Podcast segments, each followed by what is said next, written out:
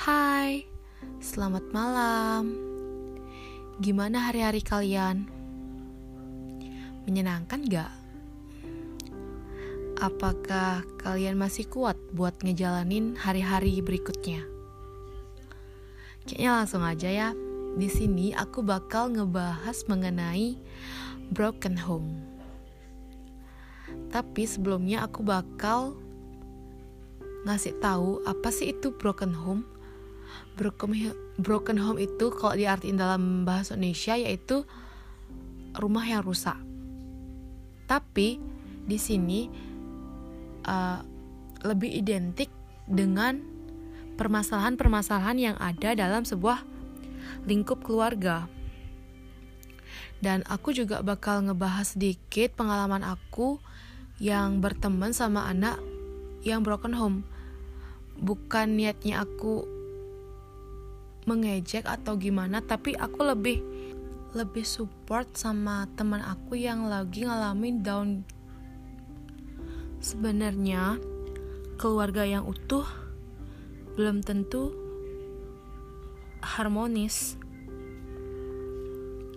Kukira rumah tempat paling nyaman untuk berpulang ternyata rumah adalah sumber masalah. Itu udah kayak kata-kata yang sering aku dengar dari teman aku. Terkadang temanku bosan untuk di luar rumah, untuk berpergian, untuk mencari kenyamanan. Namun,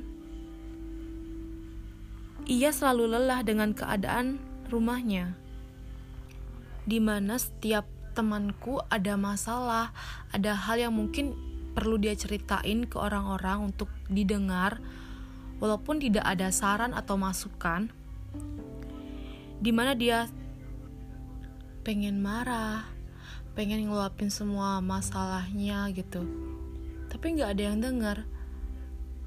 Di situ aku kayak ngerasa aduh kayaknya aku harus jadi pendengarnya dia deh kayak mungkin teman curhatnya dia gitu. Dia nggak mungkin terus-terusan diam pasti capek nah di sana aku jadi kayak harus nyemangatin dia buat dia nggak ngejadiin kalau anak broken home itu dibilang jelek atau dicap hal-hal yang negatif dan gak menjadikan alasan buat dia itu untuk menyerah.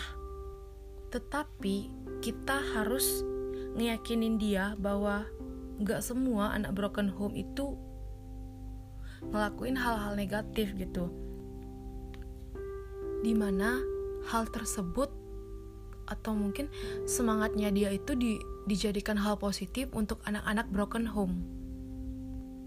Karena gak semua anak broken home itu negatif tapi gimana caranya dia beradaptasi dengan orang-orang sekitarnya dengan melakukan hal-hal positif agar mentalnya nggak down, terus nggak toxic.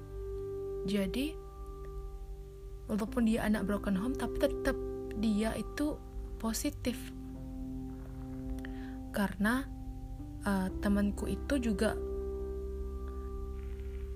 Gak tahu siapa yang harus disalahkan pada saat itu.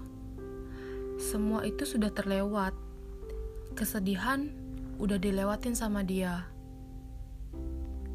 Dan dari sana ia belajar untuk menjadi lebih dewasa. Memang dipaksa untuk dewasa itu sebenarnya gak hal yang mudah untuk kita, untuk anak yang broken home.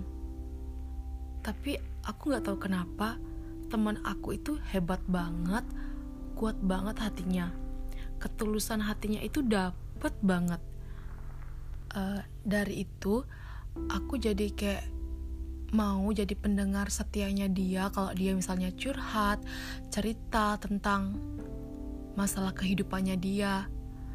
Di sana itu dia kayak vibe-nya positif banget kalau cerita gitu. Dia nggak nggak ngelakuin hal-hal yang aneh-aneh sebelumnya. Nggak hal negatif yang dia lakuin.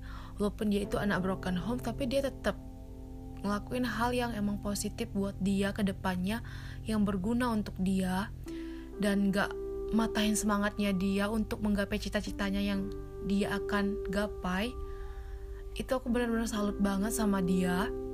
Dan di sana aku cuma kayak bisa jadi pendengarnya dia dan memberikan saran kalau ada mungkin hal yang yang perlu diperbaiki tetapi tetap kita itu berunding uh, dia mau nurutin sarannya aku nggak? Kalau misalnya enggak kita kayak ambil jalan tengahnya aja gitu.